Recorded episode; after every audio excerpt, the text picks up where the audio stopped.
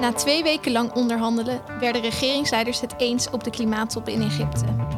Bas was er als delegatieleider van het Europese parlement bij en vandaag maken we de balans op. Zijn er stappen vooruit gezet voor het klimaat of is er weer een jaar verloren gegaan?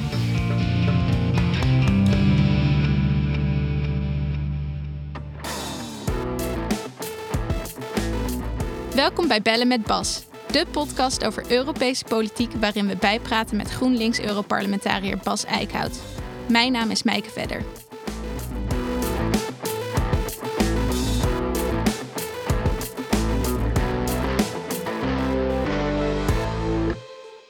Welkom Bas. Goeiedag. Hallo, je bent alweer eventjes terug uit Egypte. Voelt dat al als heel lang geleden of zit het nog veel in je hoofd? Nou, een beetje beide. Uh, ik bedoel, we hadden meteen daarna een Straatsburgweek, dus dan, ja, dan speelt er alweer meteen heel veel anders. Ja. Maar uh, nee, ja, wat er in Egypte toch gebeurt, blijft natuurlijk wel in je hoofd hangen. Dus, dus het, het, ik ben er nog wel mee bezig, maar ja, de, de politieke actualiteit dwingt je ook alweer om uh, meteen weer door te gaan in allerlei andere thema's. Ja, misschien ook wel, wel fijn dat je meteen uh, weer door kan met andere dingen, want uh, ik denk dat jij niet met een heel goed gevoel uh, thuis kwam. Nee, nee, het was echt wel teleurstellend Egypte. Uh, om, om heel veel redenen, zowel organisatorisch als, als natuurlijk ook wel gewoon de, de onvrijheid die je daar voelde, hè, door, ja. georganiseerd door het regime. Maar, maar ook inhoudelijk, ja, was het gewoon je, je, het, het, het gebrek aan urgentie was wel echt heel erg pijnlijk om te zien. Want we, we krijgen rapport na rapport uh, die, die, uh, die echt de urgentie uh, heel duidelijk laat zien. Dan zie je de speeches van de regeringsleiders die allemaal tranentrekkend zijn. en vervolgens in de onderhandelingen is er van die urgentie niets meer over. En zitten we te bakkeleien over, over kleine politieke punten. Terwijl je denkt, jongens, nou ja, als je, als, je, als je een beetje het gebrek aan geloofwaardigheid van de politiek in uitvoering wil zien, dan was Egypte wel een schoolvoorbeeld. Ja, ja. Teleurstellende conclusie lijkt me. Um, maar ik dacht, laten we misschien toch een beetje positief beginnen voordat we inderdaad naar die inhoud toe gaan. Um, ik zag dat jij ook echt met heel veel mensen daar hebt gepraat. Uh, zijn er nou nog bepaalde ontmoetingen waarvan je dacht, nou daar, daar word ik toch wel blij van, daar put ik nog hoop uit? Nou ja, kijk, kijk in algemene zin, uh, en dat, is, dat komt toch ook een beetje terug. Ik kreeg natuurlijk vooraf heel veel van die vragen van, ja, waarom ga je naar Egypte? Waarom doen we dit soort toppen? Ja. Uh, dit is natuurlijk de enige keer per jaar dat de wereld bij elkaar komt om, om, om elkaar aan te spreken op klimaatbeleid. En als rode draad door al die gesprekken zie je wel echt dat, dat al die landen de druk voelen dat ze iets moeten met klimaatbeleid. Sommigen ingegeven door echt nou ja, urgentie, omdat ze, omdat ze de effecten al voelen. We hebben gesproken met de minister van Milieu van Pakistan. Nou, dat is een duidelijk voorbeeld waar gewoon in, het, in september een derde van het land overstroomd is. Uh, maar ook, uh, we hebben gesproken met, met uh, de minister van Milieu van de Marshall Islands. Dat is ja. een van die eilanden die eigenlijk aan het verdwijnen is ja, die verhalen zijn, zijn nou ja, het is misschien per se vrolijkmakend en die, ze zijn schrijnend, maar het laat wel zien, iedereen heeft het erover. Maar dan spreken we ook met de Chinese delegatie, met de Japanse delegatie. Ja, iedereen weet wel, er moet wat gebeuren op klimaatgebied. Uh, en en ja, dat, dat is wel elke keer weer, elk jaar weer wel, dat je weet van goed, dit, dit hebben we ook nodig om elkaar te blijven aanspreken. Als we dit niet meer gaan doen, en wat is het alternatief? Dan voelen landen die druk niet meer. Nee. En, en dat kun je ook niet doen met een, met een, uh, met een online meeting. Hè. Dat zeggen sommigen, ja, dan doe je toch gewoon bellend. Nou, er wordt natuurlijk heel veel overlegd al via de telefoon en via, via allerlei videoconferenties. Maar dit is de enige manier om echt één keer per jaar elkaar letterlijk in de ogen te kijken. En van, ja, jongens, er moet echt meer gebeuren.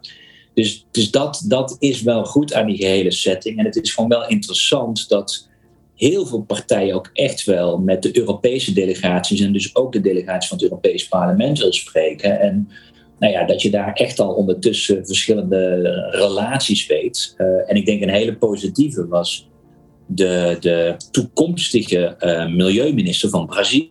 Die is natuurlijk nu nog geen milieuminister. Want ja, Bolsonaro zit er nog. Maar goed, hij heeft de verkiezingen verloren. Dus we weten dat er een nieuw regime gaat komen. Ja, het was een genot om de nieuwe milieu, tenminste de, te verwachte nieuwe milieuminister te spreken. En zij, ja, dat is zo'n andere toon ook. Hè, hoe zij praten over het Amazonegebied, maar juist ook wel hoe ervoor te zorgen dat het beleid in het voordeel is van de mensen die daar leven. Hè, de indigenous people, wat dan altijd zo genoemd wordt.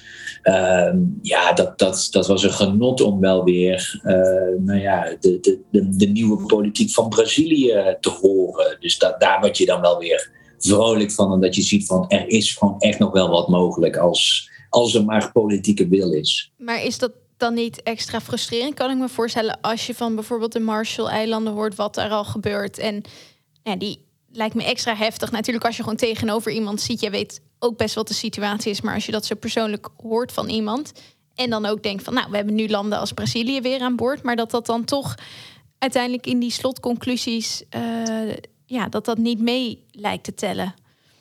Ja, dan, kijk, het, uiteindelijk is gewoon de pijnlijke conclusie dat de urgentie nog niet genoeg wordt gevoeld. Ja. Uh, en, en ja, weet je, in, in de wat uh, duistere momenten die ik ook heb, vraag je echt af van, ja, maar wat moet er gebeuren voordat we die urgentie gaan voelen? En, en dan daar worden, kun je soms dan trieste conclusies aan verbinden dat blijkbaar er nog meer rampen moeten gebeuren voordat men echt de urgentie voelt.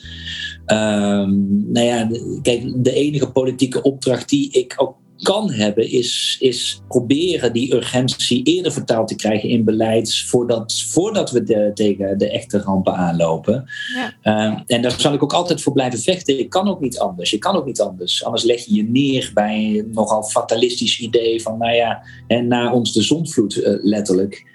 Ja, dat, je moet ook gewoon blijven geloven in de middelen die er zijn. Want zoveel andere opties zijn er niet eigenlijk. Ik, ik, ik weet niet welke andere opties er zijn dan toch elke keer weer de urgentie te blijven benadrukken en strijden voor klimaatbeleid op alle fronten.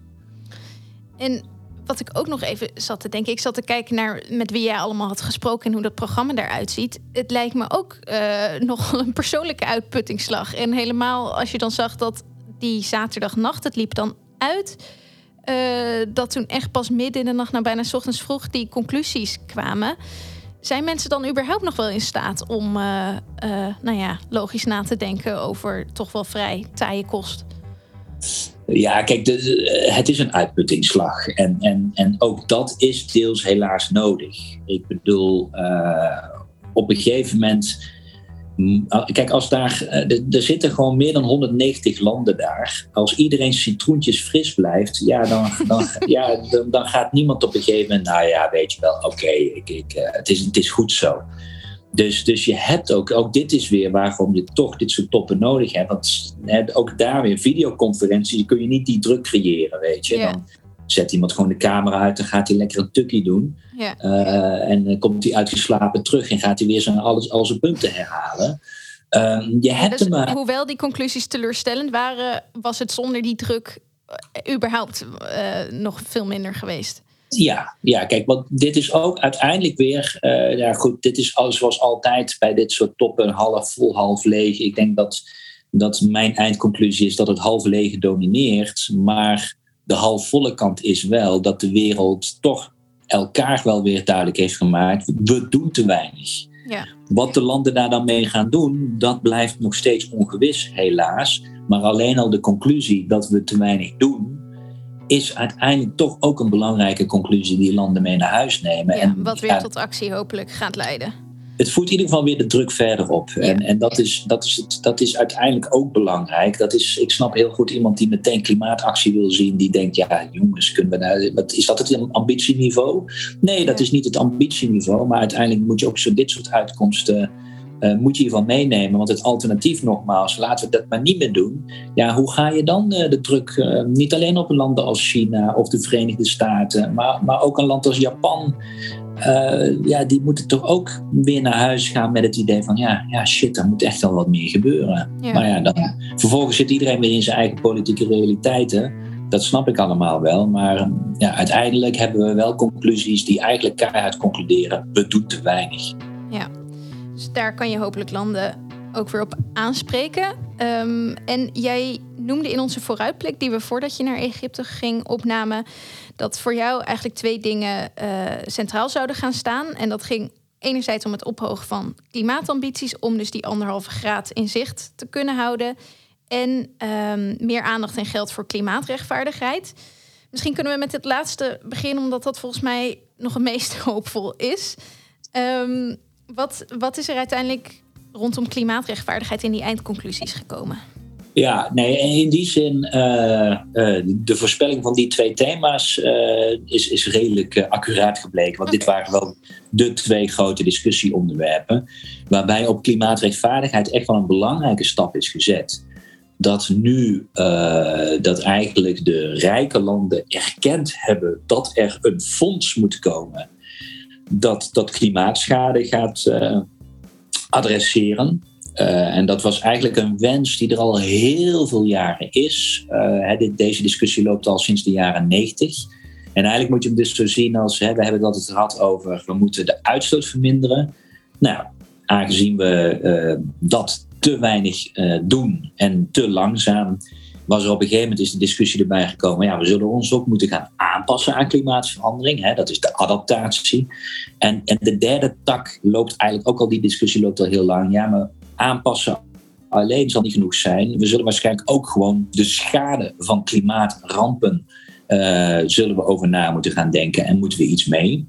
Nou, in het Parijsakkoord is dat echt een officieel thema geworden. Hè? Dat heet loss and damage. Um, dus dat, dat is echt het thema geworden. En nu, voor de eerste keer, hebben de rijke landen erkend dat ook hier een apart fonds voor moet komen.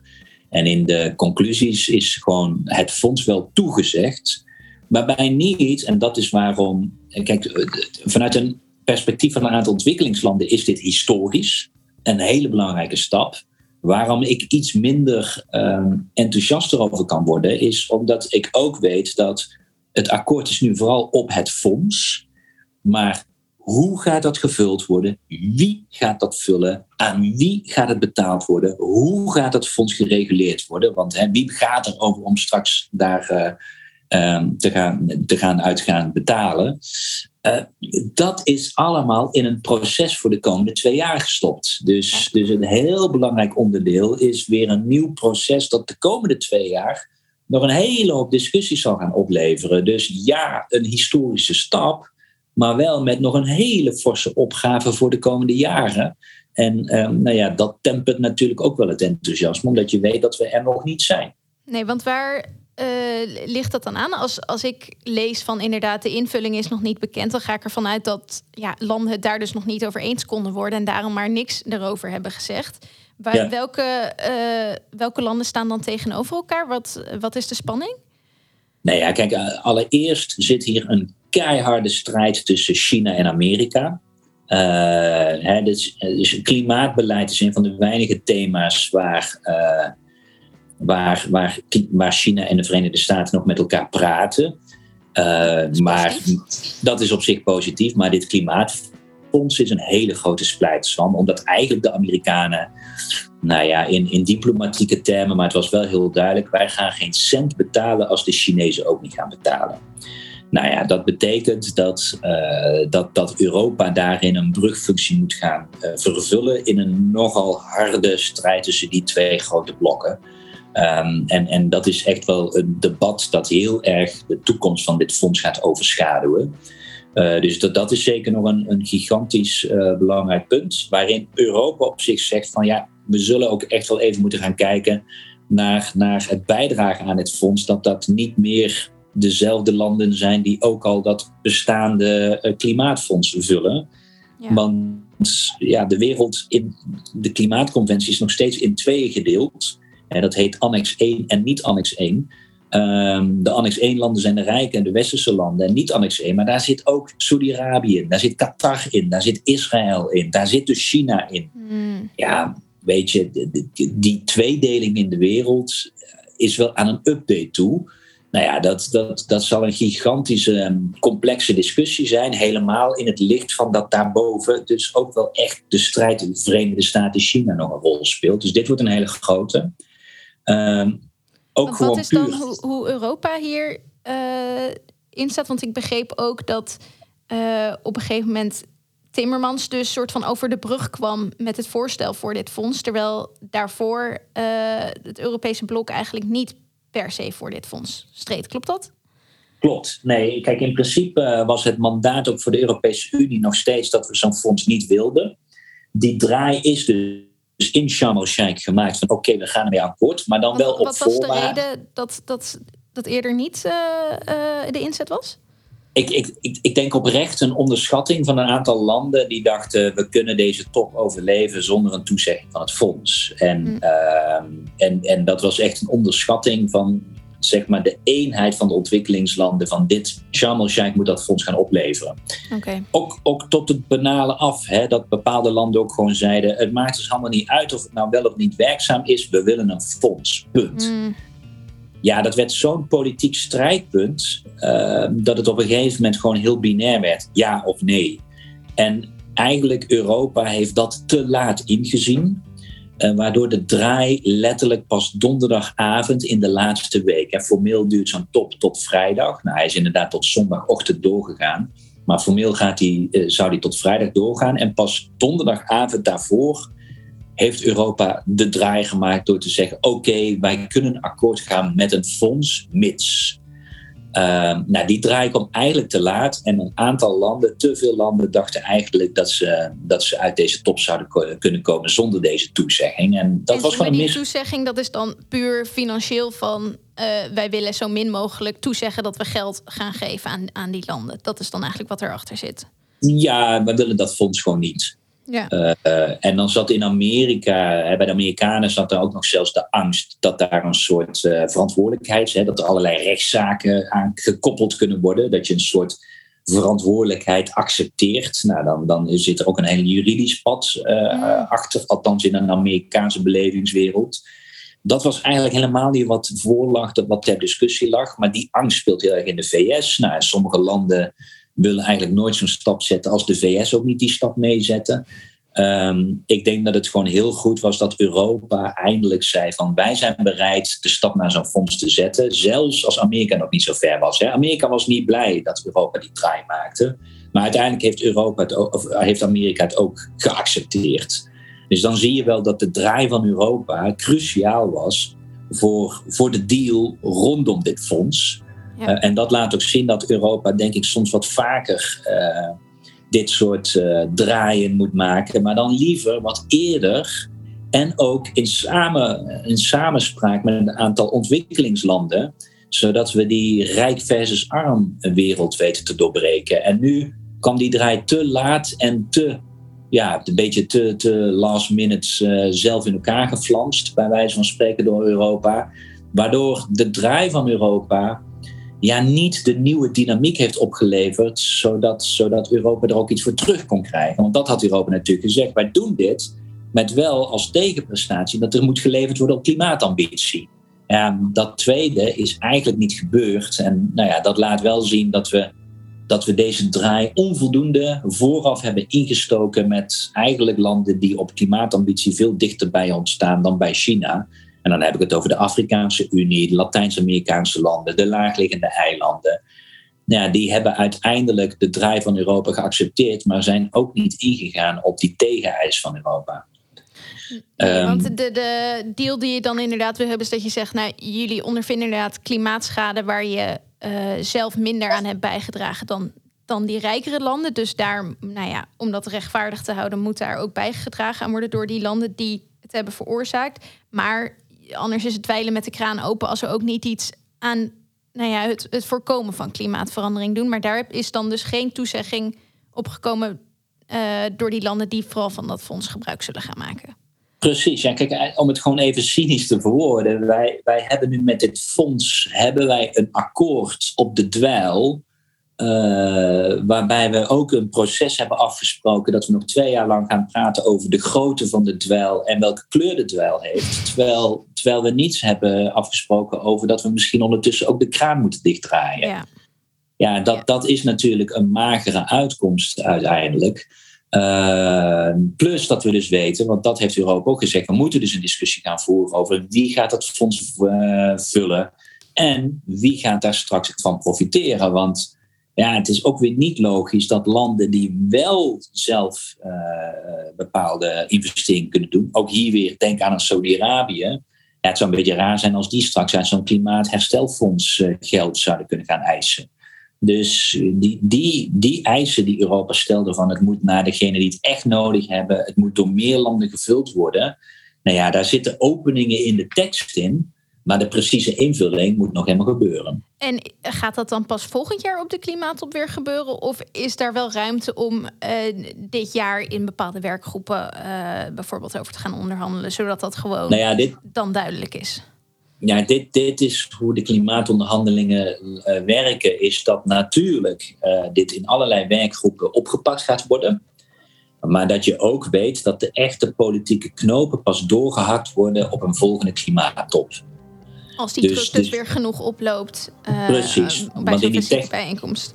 Ja, in die technische werkgroepen kun je een hele hoop dingen al met elkaar afkaarten. Maar de hele fundamentele politieke vraag als wie betaalt, hoe ga je dat definiëren, wie gaat ervan profiteren, hoe ga je dat definiëren. Ja, dat zal uiteindelijk op het politieke niveau terugkomen. En je weet nu al dat volgend jaar in Dubai, maar ook het jaar daarop, ja, dat, dat deze discussies uh, daar nog beslecht moeten gaan worden en dus daar ook weer op de agenda komen. Ja, oké, nou dat, dat is dus vooral afwachten. En je had het er net al over dat eigenlijk uh, op de ambitie dus ook weinig is gebeurd. Ik heb even die tekst erbij gepakt over. Uh, het uitfaseren van fossiele brandstoffen. En er staat: de landen van het Parijsakkoord zullen zienswijze uitwisselen, maar dat zal niet leiden tot voorschriften, zal niet bestraffend van toon zijn, maar behulpzaam en vol respect voor de nationale soevereiniteit van landen en zal geen nieuwe doelen opleggen. Nou, ja. ja, het is niet grappig, maar ik vind het zo overduidelijk van we gaan dus eigenlijk niks doen. Nou ja, dat gewoon absurd is. Hoe, ja, ja, nu heb je wel een van de ja, nu heb je wel een van de negatiefste paragrafen eruit gehaald. er zit ook wel een paragraaf in die uh, de, de landen oproept om met nieuwe klimaatplannen voor volgend jaar te komen. Okay. Maar uh, nee, dit laat zien. Hè, dit, dit, dit, dit, is, dit komt uit dat Mitigation Work Program, dat is afgesproken. En hier zie je gewoon de rol van het Egyptisch voorzitterschap, die, uh, die eigenlijk de brug heeft gevormd tussen Afrika en het Arabisch Schiereiland. En Egypte heeft natuurlijk beide kanten in zich. Uh, het is een mhm. Afrikaans land, maar het, het heeft ook een uh, goede gasvoorraad. En, en nou ja, ligt nogal dicht. Hè. Je hoeft alleen maar de Rode Zee over te steken en je zit op het Arabisch Schiereiland. En Egypte heeft heel duidelijk het fonds waar we het net over hadden voor klimaatrechtvaardigheid, het compenseren van klimaatschade. Dat is wat Afrika wilde, dat heeft Egypte geregeld. En verder niet te dwingende teksten op hogere ambities. Dat hebben ze geregeld voor het Arabisch Schiereiland. Dus voor Egypte heeft de top gedaan wat ze wilden doen. Uh, en hebben ze heerlijk die beide kanten weten te bedienen. Uh, maar inderdaad, als jij dit leest met de bril van uh, iemand die klimaatactie wil zien, lees dit vooral als we gaan niks doen. Ja, en, nou ja, vooral van we maken gewoon nergens concrete afspraken over, waardoor ik dan toch weer denk, ja, dan gaat er dus niks gebeuren. Uh, nee, niet, niet als dit het enige zou zijn. Kijk, dus, dus in principe worden landen dus ook opgeroepen wel met volgend jaar met nieuwe klimaatplannen te komen.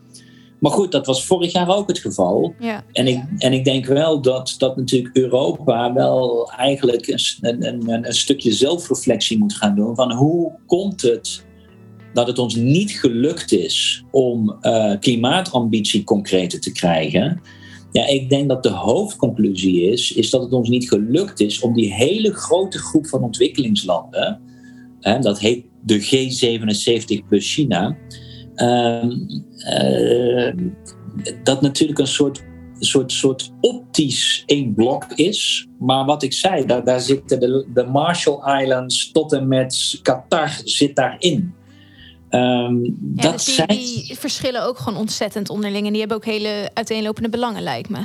ongelooflijk. Maar zelfs al binnen de Afrikaanse Unie. Je hebt natuurlijk in de Afrikaanse Unie landen die zelf ook nog gas in de grond hebben. En je hebt landen die dat helemaal niet hebben. En gigantisch afhankelijk zijn van een landbouwsector die nu al geraakt, keihard geraakt wordt door klimaatverandering. Dus de belangen van die landen zijn heel erg verschillend.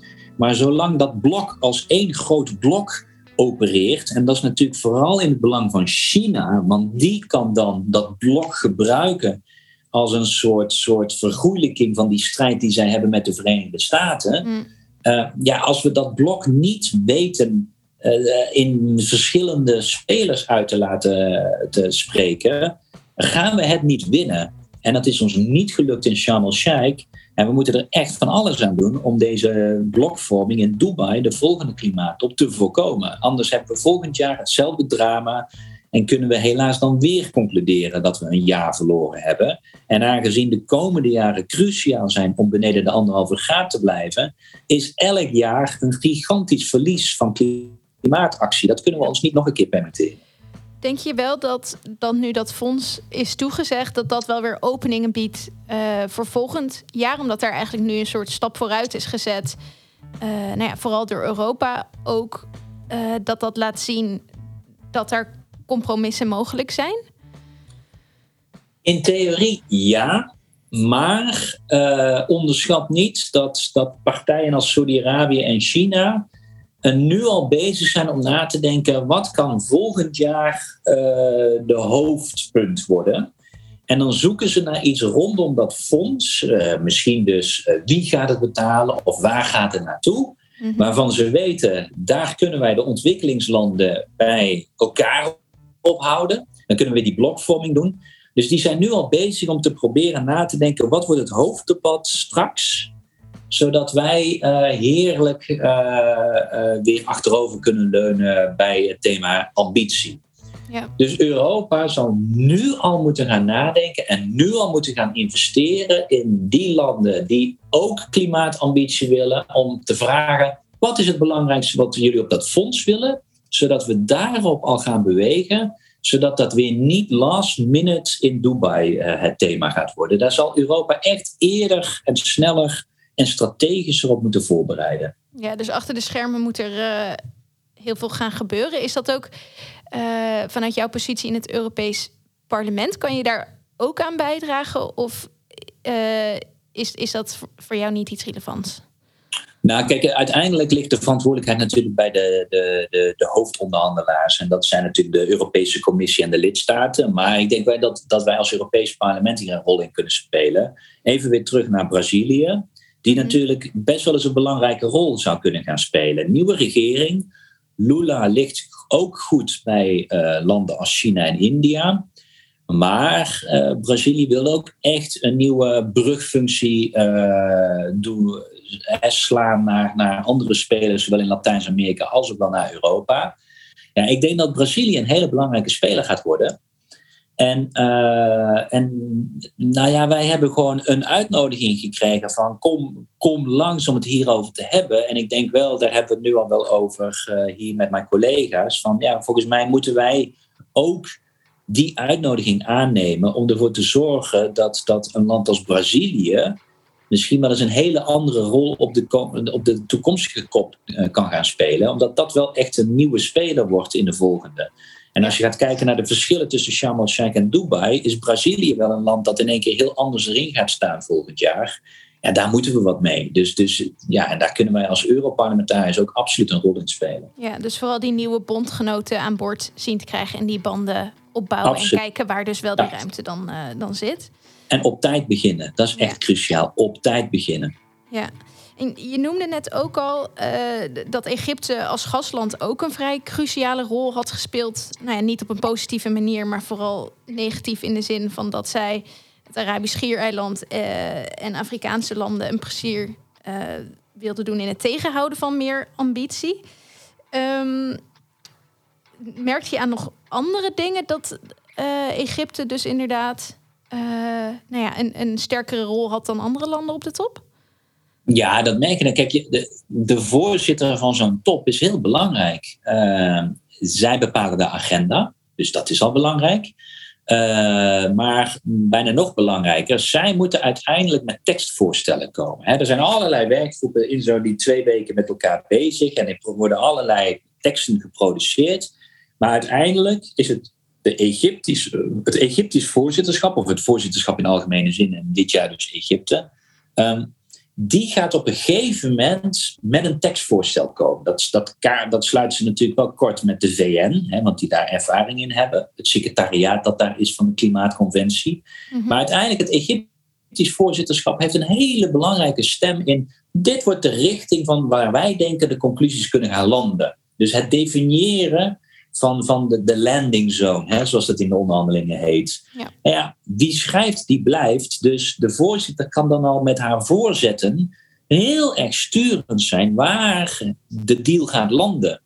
En het was gewoon heel duidelijk dat, dat uh, het Egyptisch voorzitterschap op ambitieniveau geen enkele prikkelende tekst aan het voorleggen was. En dan moet jij dus er daarop reageren met wij willen een aanscherping van de tekst daar en daar. Dan moet jij uh, als, als Europa met tekstvoorstellen komen. Maar die moet je dan eigenlijk, dan moet je medestanders gaan organiseren die zeggen dat willen wij ook.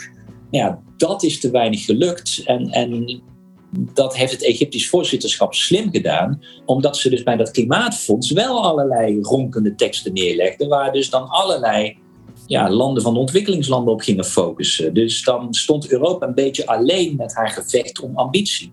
Ja, dan moet je wel heel veel extra moeite gaan doen om die discussie te kunnen uh, keren. Ja, helemaal als je nogal laat dus een draai maakt op dat thema wat de ja. ontwikkelingslanden het liefste willen. En dan moet je ook nog eens even gaan meenemen in jouw prioriteiten. Ja, daar was de tijd gewoon te kort voor. En de Egyptenaren waren ook tergend langzaam met voorstellen. Dus, hm. dus ja, weet je, als jij pas echt de eerste serieuze teksten op de laatste vrijdag op tafel gaat leggen. Ja, dan weet je ook dat, dat de tijd heel kort gaat zijn om nog wezenlijke veranderingen door te voeren. Is dat een, een bewuste tactiek dan ook? Ja, ja, ja, ja. Hier heeft Egypte bewust, uh, bewust getraineerd. Omdat men dan weet, op een gegeven moment kwam dan zaterdag pas weer een nieuwe tekst. En dat werd pas zaterdagmiddag. Ja, dan weet je dat er een soort vermoeidheid begint toe te slaan. Van, het moet nou wel een beetje klaar zijn. Nou, als dat sentiment overheerst, nou, dan moet je van hele goede huizen komen. Als je dan komt met, nou, laten we nog eens even hele paragrafen helemaal anders doen. Dan merken dat partijen zoiets hebben, nou we kunnen nog een punt en een komma gaan verschuiven, maar heel erg wezenlijk, anders gaat het niet meer worden. Ja. dat, dat heb je als voorzitter, kun je daar mee spelen. Uh, en, en ja, dat uh, Egyptisch voorzitterschap heeft het traineren wel uh, zeer voortvarend uitgevoerd. Ja, daar zijn ze waarschijnlijk erg tevreden mee. Um, Ik denk dat Egypte tevreden is. Ja. Ja, ja. ja, helaas voor ons. Er waren ook veel zorgen rondom de mensenrechten situatie in Egypte van tevoren. Ja. Um, of er wel demonstraties plaats konden vinden en activisten ook toegang zouden hebben tot uh, de onderhandelingen. Uh, hoe, hoe was dat uiteindelijk? Heb je daar veel van gemerkt? Ja, ik heb, ik heb vele toppen meegemaakt, kun je wel zeggen. Uh, ik heb nog nooit zo'n restrictief voorzitterschap meegemaakt. Er was eigenlijk geen ruimte voor protesten buiten eh, VN-grondgebied, zo'n conferentie, dan wordt dat grondgebied VN. Dus je hebt een heel hmm. klein stukje VN-grondgebied in Egypte. Uh, daarbuiten was protesten waren niet mogelijk. Er is wel het weekend daarvoor nog wat in Cairo geprobeerd. Het is ook heel klein geweest. En er is een hele kleine klimaatmars gehouden in, in, in de conferentieoord zelf. Dus op het ah. VN-grondgebied. Ja, dat, is, dat heb ik nog nooit meegemaakt. Het is, uh, het is uh, redelijk absurd uh, hoe dat is vormgegeven. Um, verder ja, was, was er overal sprake van dat, dat eigenlijk overal werd afgeluisterd door de geheime dienst van de Egyptenaren. Um, er is bij een bijeenkomst van de Duitse regering, waarin ze mensenrechtenactivisten aan het woord lieten, kwamen ineens uh, beveiligers binnen om die uh, mensenrechtenactivisten gewoon bijna letterlijk weg te halen. Oh, jee. Terwijl je op VN-grondgebied is, daar heeft Duitsland natuurlijk een officiële klacht over ingediend bij de VN, dat dit ongehoord is. Ja. Um, er was gewoon echt sprake van intimidatie. En uh, wij hadden bijvoorbeeld badges van Amnesty International, waarin wij de hele simpele tekst hadden bevrijd alle politieke gevangenen. En en wij werden bij de ingang nou, gesommeerd om die badges weg te stoppen. Wat wij weigerden, want uh, wij uh, zijn parlementariërs waarin wij vrijheid tot recht van spreken hebben. Hm. Maar wij moesten echt, ja, er was ook gewoon intimidatie om dat niet te doen. Uh, dat hebben wij getrotseerd. Maar dat laat gewoon zien dat, dat nou, deze klimaattop, de, de onderdrukking en eigenlijk het inkrimpen van ruimte voor, de, voor, om, voor het maatschappelijk middenveld om zich uit te spreken. Ik heb het nog nooit zo beperkt gezien. En ik ben ook echt wel geschokt door de naïviteit van de VN. Hoe ze, hm. zij zich hier niet op hadden voorbereid. En uh, nou ja, dat hebben we ook aangegeven. Ik heb ook een klacht ingediend bij de VN met een hele duidelijke oproep dat bij de volgende klimaattoppen er echt expliciet ruimte moet worden gegarandeerd voor het maatschappelijk middenveld. Omdat dat onderdeel is van, van de stem die gehoord moet worden tijdens de onderhandelingen. En nou, de volgende klimaattop is in Dubai. Dat staat ook niet... ik wou het net zeggen. Ik krijg dan niet het gevoel dat het daar ontzettend uh, anders zal zijn. Nee, maar je kan natuurlijk als Verenigde Naties wel eens wat eisen gaan stellen aan de organisatie van zo'n klimaattop. En dat doen ze tot nu toe volstrekt onvoldoende. En ik denk dat uh, nou ja, de, dit voorzitterschap heeft laten zien dat het keihard nodig is dat er uh, nou ja, gewoon hardere eisen worden gesteld aan hoe een organiserend land zo'n top organiseert. Ja, en ik wil je ook nog vragen naar de, de, überhaupt de werkzaamheid van die klimaattop. Je begon er zelf al eigenlijk over dat het nou ja, een van de weinige middelen is die we hebben. Um, Louise Fresco die schreef er ook over deze week uh, in NRC. En die doet wat suggesties om eigenlijk die, de werkzaamheid van die klimaattoppen te veranderen. Ze zegt initiatieven Nee, ze zegt direct na COP27 moeten initiatieven komen om de focus weer te leggen op concrete uitvoering.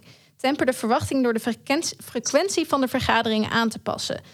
Zegt eigenlijk is zo'n jaar veel te weinig. Um, je kunt niet dramatisch nieuwe resultaten verwachten als je elk jaar bij elkaar komt. Die twaalf maanden zijn zo voorbij en meestal valt er weinig te rapporteren. Dat voedt het ongenoegen en daarmee het risico op polarisatie. Breng de frequentie terug tot eens in de twee jaar of nog minder vaak. Ja, bij mij roept dat meteen op dat ik denk, ja, de klimaatcrisis is al lang begonnen. Uh, laten we niet achterover gaan leunen en uh, eens in een paar jaar bij elkaar komen. Maar heeft zij daar een punt? Nou, ik, ik, ik moet zeggen, uh, het, het, is een beetje een, een allegaatje van punten die ze maakt. En het is een beetje een schot hakel en er zitten een aantal rakenschoten in. Maar dat heb je wel vaker bij een schot hagel. ja, want verder om... noemt ze regionale samenwerking moet versterkt worden. ja helemaal eens. partners maar... toegevoegd worden, multinationale ondernemingen en grote steden uh, moeten ja, maar, een rol krijgen. Ja, kijk, daar ben ik het allemaal mee eens. Alleen zo werkt de Verenigde Naties werken zo niet. Dus uh, de Verenigde Naties is wat het heet Verenigde Naties. Um, en er zitten daar landen die natuurlijk altijd zullen zeggen: dat is allemaal prima. En ja, er moet gewoon meer georganiseerd worden, uh, juist voor regionale overheden. En inderdaad, als je gaat kijken, de meerderheid van de wereldbevolking woont in steden. Dus uh, dat we veel meer een plek geven voor steden, dat is ook juist iets wat bijvoorbeeld Sharon Dijksma ook aan het bevechten was daar in ja. Sharm el-Sheikh helemaal mee eens. Maar we weten ook dat de besluitvorming, de puur sec besluitvorming, zal in de handen van landen blijven. Want zo, is de, zo zijn de VN georganiseerd.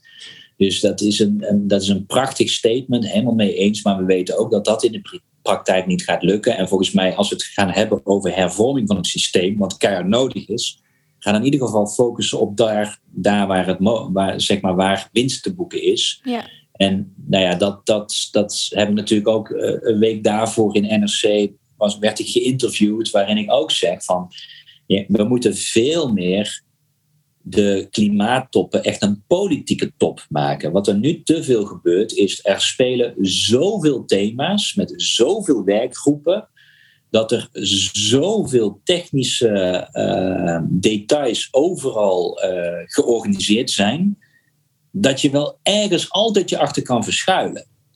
En volgens mij moeten dus de komende klimaattoppen moeten kleiner worden. Dat hoeft niet meer zo'n bazaar te worden zoals we dat uh, nu eigenlijk steeds vaker zien. Bedoel je ook minder deelnemers dan?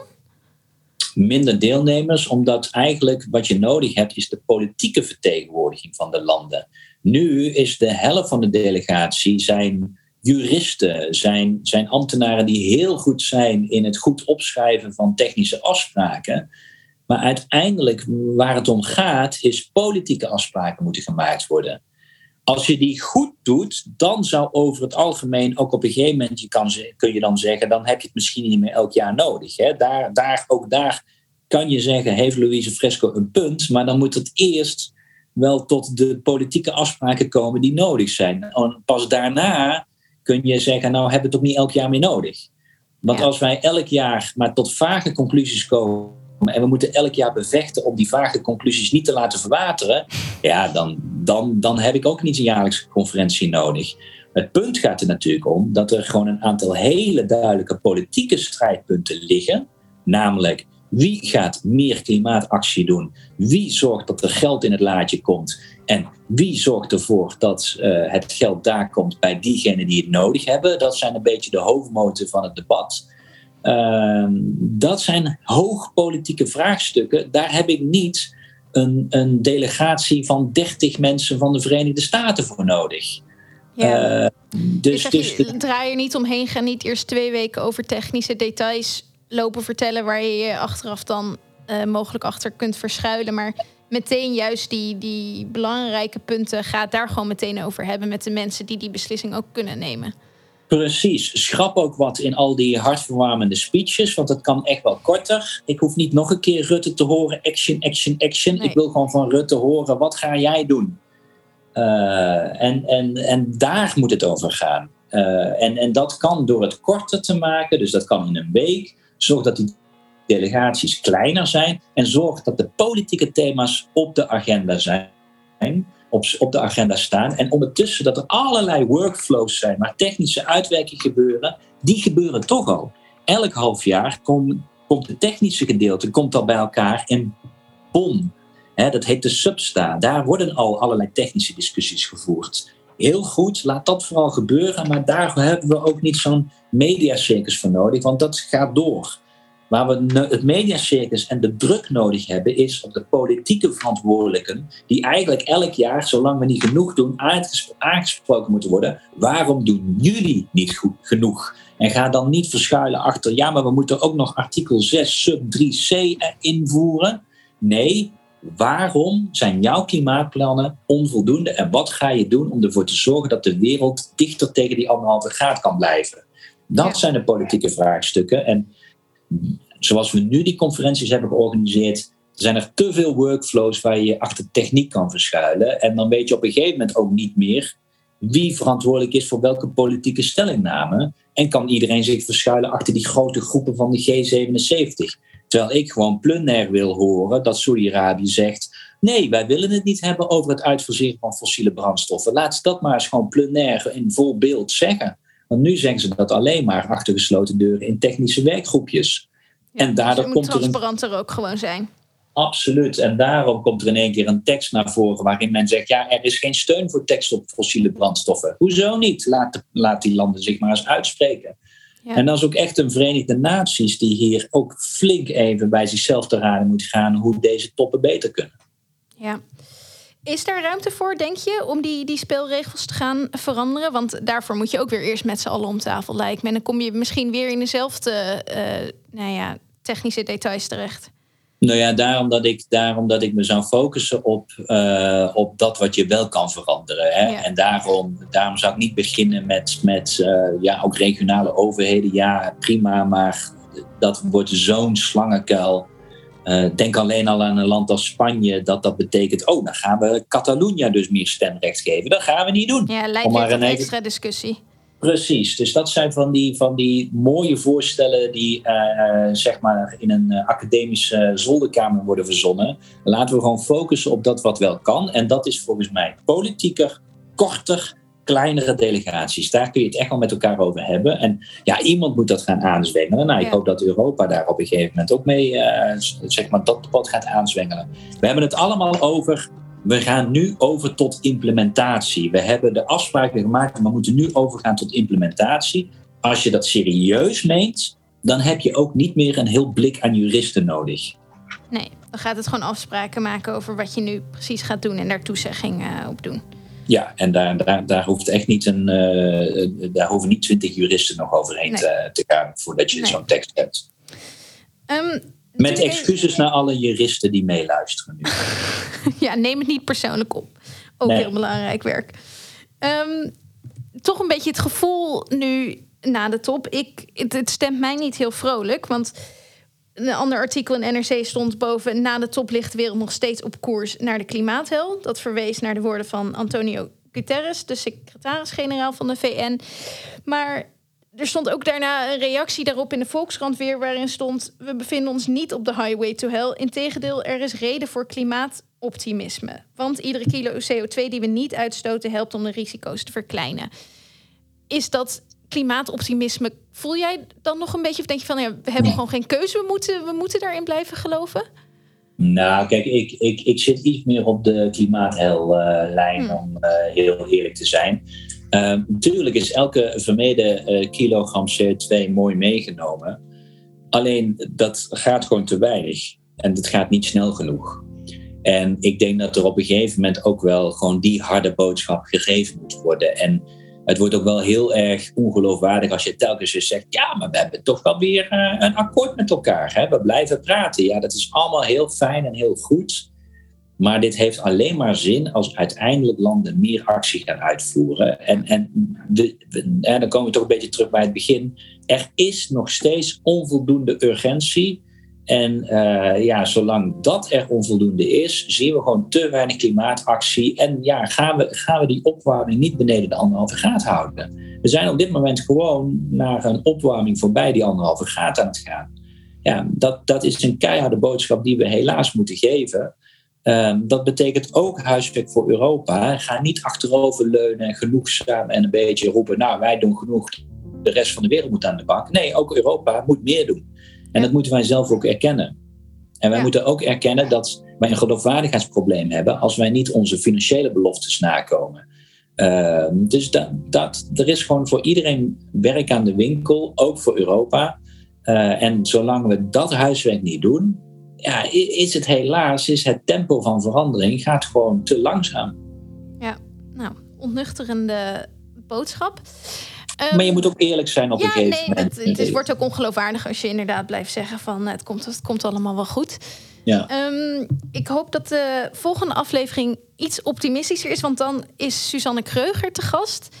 Uh, want ik wou meteen even een oproepje daarvoor doen. We gaan het dan ook hebben over hoe we nu verder moeten en wat jullie in Nederland en Europa doen om wel die iedere uh, kilo CO2 niet uit te stoten. Ja. Um, dus als mensen daar vragen over, te, over hebben, uh, wat jullie precies doen en hoe het op de kop was, stuur die vooral in. Dan ga ik die aan jullie stellen.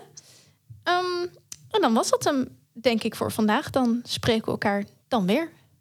Nee, absoluut. En uh, nogmaals, bedoel, er is, blijft ook genoeg te doen en te voor te vechten.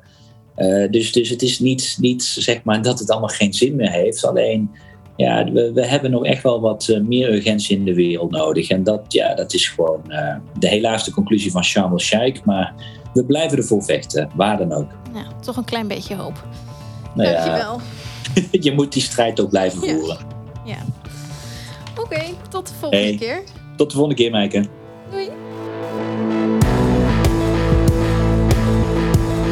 Dit was Bellen met Bas, een podcast van GroenLinks Europa en de Groenen in het Europees Parlement. We horen graag van je. Laat je reactie achter op vriendvandeshow.nl slash bellen met Bas en meld je aan voor onze Europa-update op europa.groenlinks.nl. De audiovormgeving is door Studio Cloak. Tot een volgende keer!